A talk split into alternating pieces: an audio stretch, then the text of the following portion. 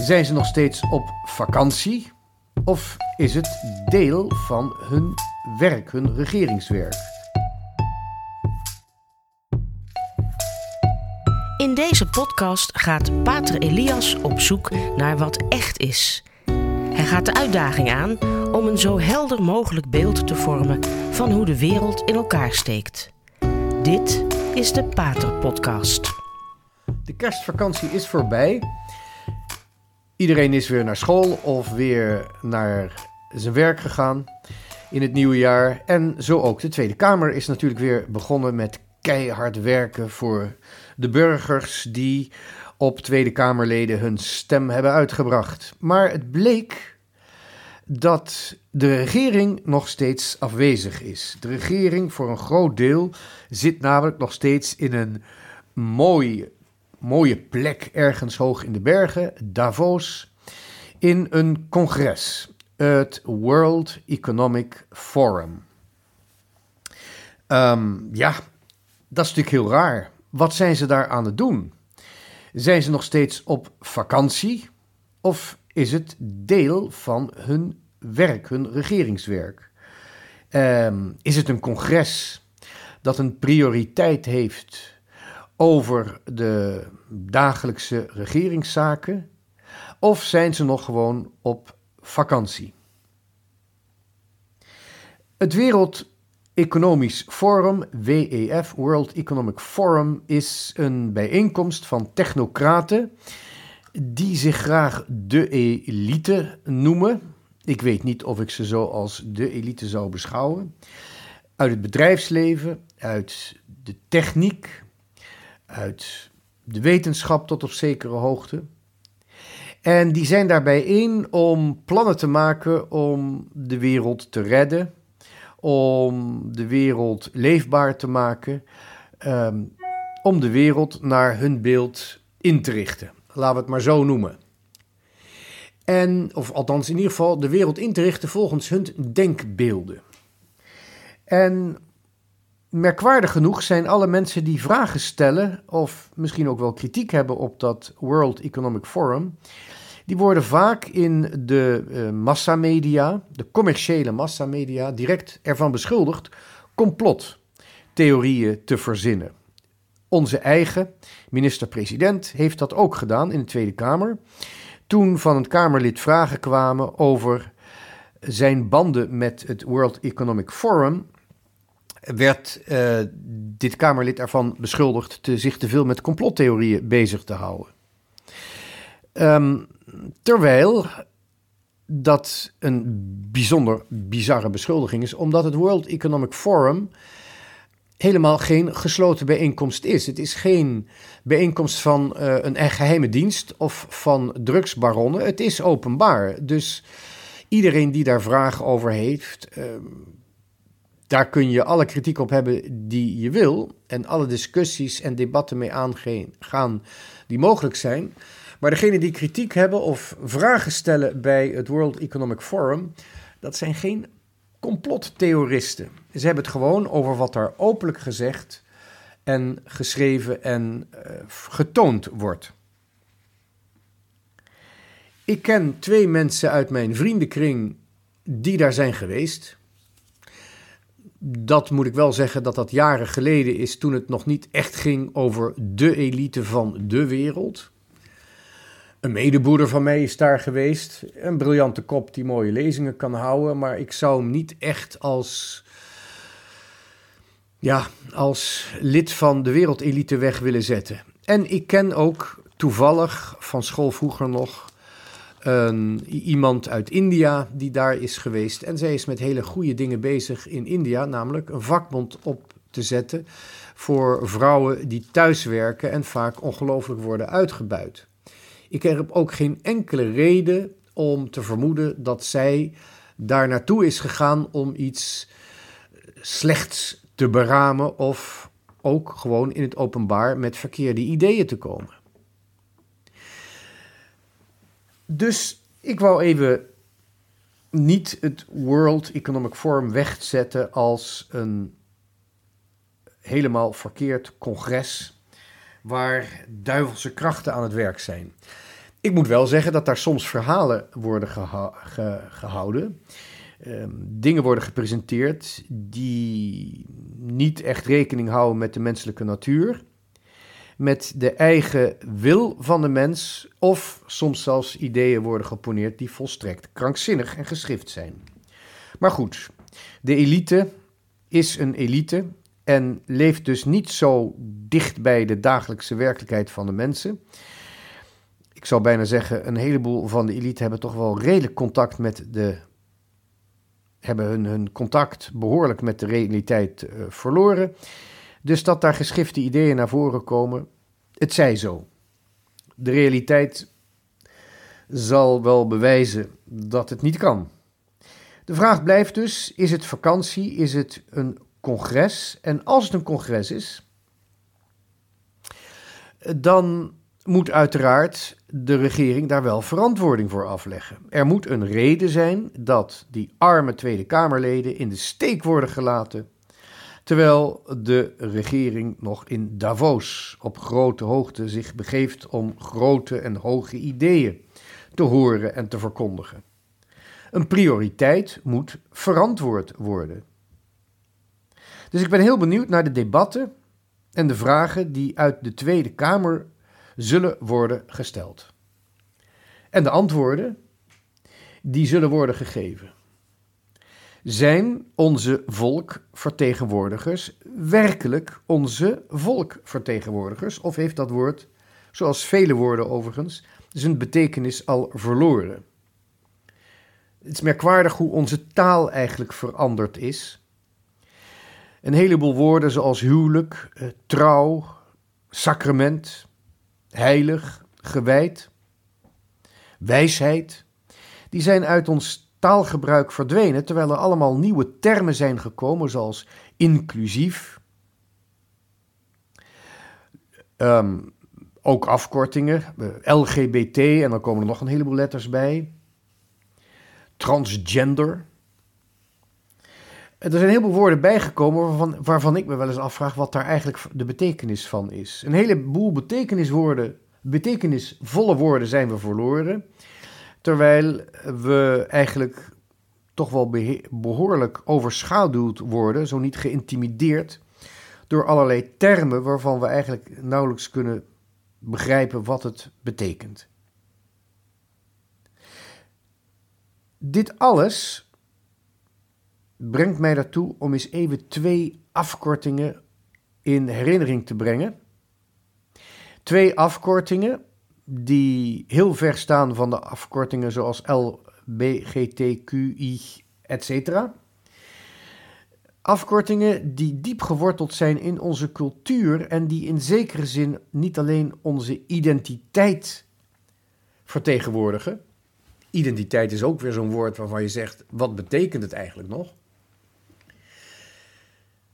Het is niet alleen wie wij zijn, maar ook waar we vandaan komen en waar we heen gaan. Althans, het eigen vermogen van ons om te bepalen waar we heen gaan, wordt ook door die twee afkortingen betekend, aangegeven.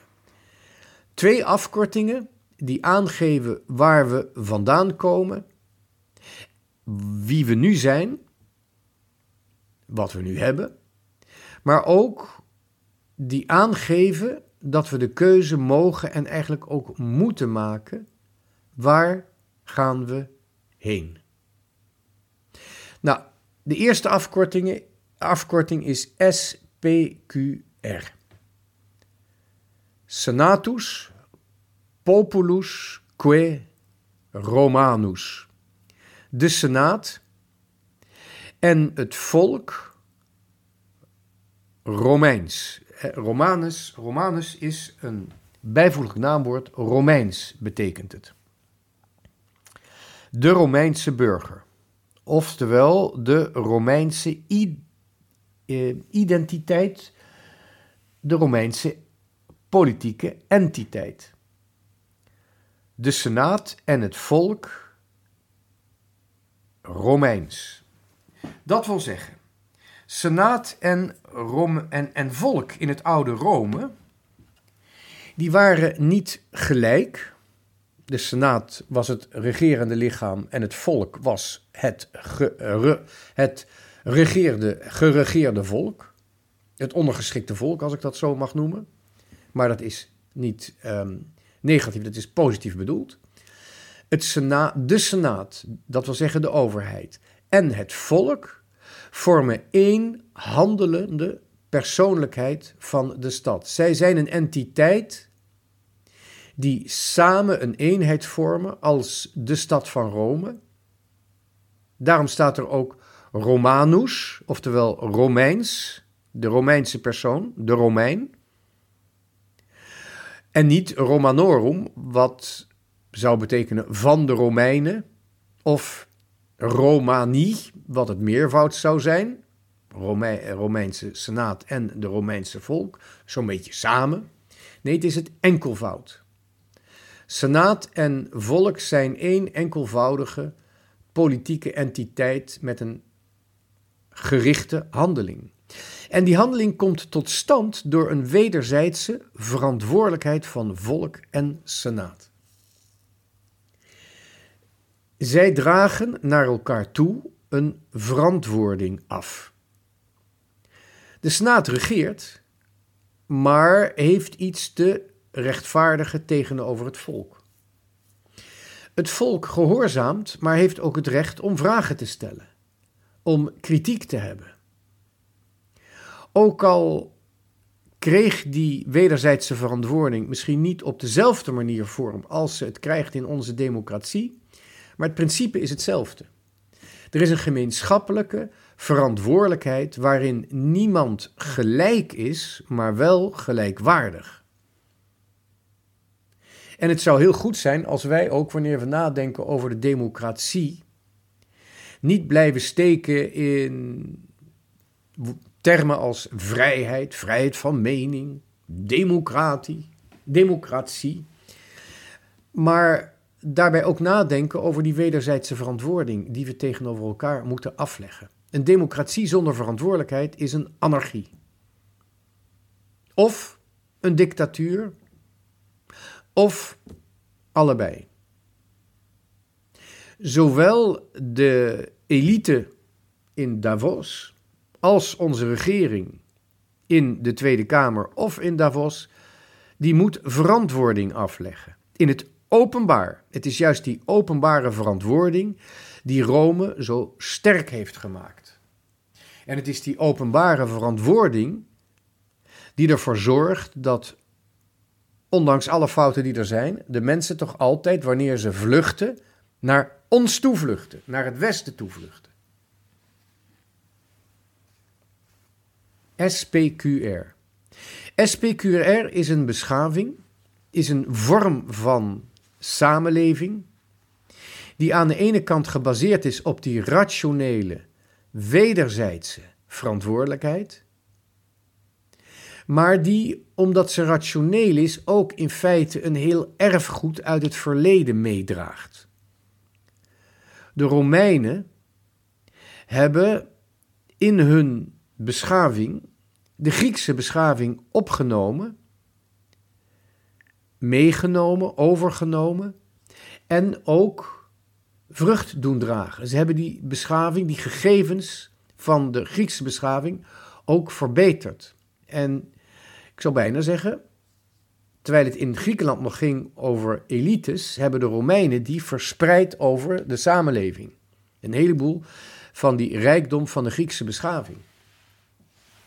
Die Griekse beschaving die heeft ook weer een heleboel dingen overgenomen van het Oosten, het Midden-Oosten.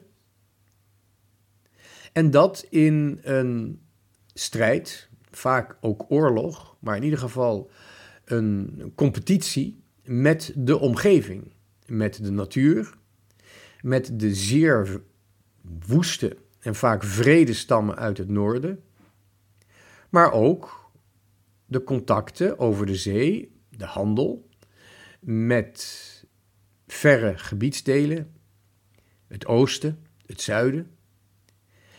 Terwijl ook die beschaving in het Midden-Oosten een langzaam proces heeft doorlopen. Egypte, Sumerië, Perzië, Babylon, Assyrië. Het zijn allemaal hoogtepunten geweest van menselijke beschaving, die nooit helemaal voorbij zijn gegaan, die nooit zijn ondergegaan. Al die beschavingen hebben elkaar als het ware bestoven.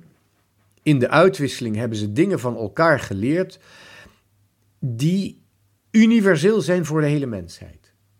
En zo was Rome op dat moment de beschaving verspreid over de wereld zoals wij die kenden, van Engeland aan de grens met Schotland tot aan wat nu Armenië is, eigenlijk de grens van Iran op zijn hoogtepunt, terwijl die Griekse beschaving ook nog doorleeft eigenlijk tot in India. We zien die universele beschaving met een heel, als een soort van veelkleurig palet, toch universeel voor de hele mensheid beschikbaar zijn. En daarin neemt Rome, SPQR, de stad die een wereldrijk werd, één enkele stad die een wereldrijk werd, speelt een cruciale rol. Tot in onze democratie toe. En al lang voor onze democratie, want ook in Europa tijdens de strijd om de macht hebben de koninkrijken ook heel duidelijk in ons westelijke Europa door tussenkomst van het christendom geleerd om verantwoording af te leggen voor hun beslissingen. En dan is Nederland natuurlijk ook nog een heel interessant unicum, omdat wij door onze polders eigenlijk al ja, bij gebrek aan aristocraten een soort van middeleeuwse democratie hebben gevestigd, namelijk de waterschappen. Het is niet zo gek dat wij in Nederland een nogal egalitaire samenleving zijn. Want als je zeewater verandert in land, als je de bodem van de zee gaat bebouwen, dat is land zonder traditie. Dat is volledig land. Wat door de mens geschapen is. En dan moet je helemaal opnieuw beginnen. En in zekere zin zijn onze polders dan ook eigenlijk een soort van embryo van Amerika de nieuwe wereld. Het land dat helemaal opnieuw moet worden uitgevonden, omdat het er eerst niet was. Of omdat wij er eerder niet waren. Hoe dan ook, SPQR is iets wat iedereen die van de traditie houdt en die iets wil terugvinden dat we verloren zijn, SPQR moeten we terugvinden. En niet blijven steken in de industriële revolutie of de verlichting of het protestantisme. En ook niet in de middeleeuwen. We moeten teruggaan naar die universele beschaving die langzamerhand gegroeid is vanuit een donker en ver verleden en waarvan wij de erfgenamen zijn. En waarin de SPQR het stadium zijn geweest waar God mee kon communiceren. Want SPQR is onze, in onze katholieke kerk opgenomen. SPQR, daar kan ik eigenlijk een afkorting nazetten. Ik moet even die afkorting uitvinden. Dat had ik al een tijdje geleden gedaan. Want die lijkt namelijk op die eerste. Naast SPQR, Senatus, Populusque Romanus, mogen we iets anders zeggen. Namelijk Patre Filioque Spiritus. Oftewel uit de Vader en de Zoon, de Heilige Geest. onze verantwoording als mensen tegenover elkaar in een samenleving, in onze wereld, in onze tijd, waardoor wij als gemeenschap, als een handelende persoon worden, die is een weerspiegeling van een eeuwige eenheid van Vader en Zoon in het ademen van de Heilige Geest. De hemel is niet democratisch. De hemel is geen dictatuur. De hemel komt naar een toe in een persoon die zich geeft, de goddelijke persoon van de Heilige Geest, waarin God de Vader en God de Zoon zich ook aan ons geven. Om in ons vrucht te dragen, zodat wij ook instrumenten worden van de Heilige Geest. Wanneer wij proberen terug te vinden wie wij zijn. Het is de week van de eenheid. Dus we zoeken misschien naar wat we gemeenschappelijk hebben met andere christenen. Maar dat kun je nooit doen zonder ook te onderkennen waarin wij als katholieken juist zo uniek zijn. Als wij in deze week niet mogen onderkennen, herkennen, misschien opnieuw ontdekken wie wij zijn, waarom wij katholiek zijn en niet iets anders, als we dat niet mogen ontdekken, dan hebben we ook niks te bieden aan die andere christenen. Wij zijn de kerk die in haar structuur, haar samenleving, SPQR heeft opgenomen, maar ook door de goddelijke openbaring die kan laten aansluiten bij iets hemels. PFQS. De Heilige Geest komt voort uit de Vader en de Zoon. En het is heel sneu dat de orthodoxe kerken, met name de bijna pathologische anti-katholieke patriarchaat van Moskou. Het is heel jammer dat onze orthodoxe medechristenen dat filioque hebben afgewezen. Maar het is het meest kostbare wat we te bieden hebben. En het kostbaarste wat je te bieden hebt, dat moet je tonen. Dat moet je publiekelijk aanwijzen. Juist omdat wij een verantwoording hebben af te leggen tegenover God, kunnen wij ook deel krijgen aan die vruchtbare eenheid in geloof en in werken van God zelf. En deel krijgen aan zijn vruchtbaarheid. Of het nou gaat om de meest diepe contemplatieve hoogtes, waarin we verwijlen omdat God ons dat innerlijk licht wil geven, of dat het om de meest concrete zaken gaat, als armen van straat oppikken en die wassen en daarna langzamerhand hun menselijke waardigheid terug te geven. Of het nou gaat om op straat vrede te stichten, of de innerlijke mens van zijn verslavingen af te laten komen om innerlijke vrede te kennen. Of het nou gaat om een contemplatieve orde die ergens ver in de bergen in stilte leven. Het zijn allemaal manieren, concrete manieren, om God zichzelf aan ons te laten geven.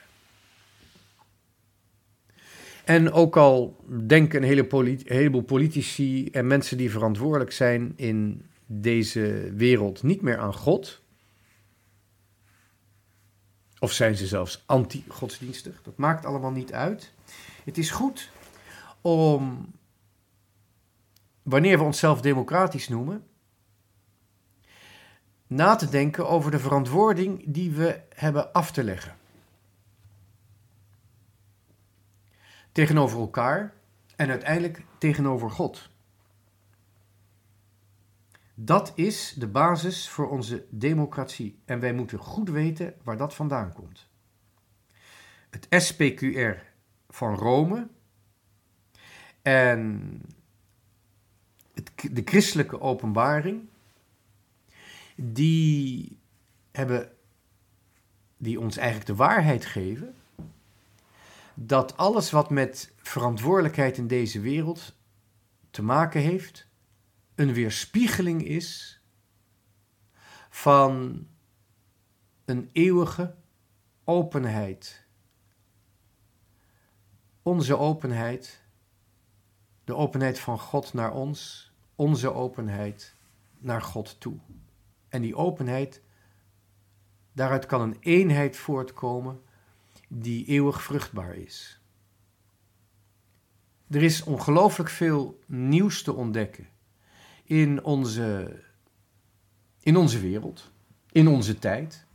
Maar we moeten wel de moed hebben om door te graven tot we werkelijk hebben gevonden wat voor ons een bron is. Want vanuit de bron alleen kunnen we vooruitzien naar wat onze uiteindelijke bestemming is. Bedankt voor het luisteren. Tot de volgende keer.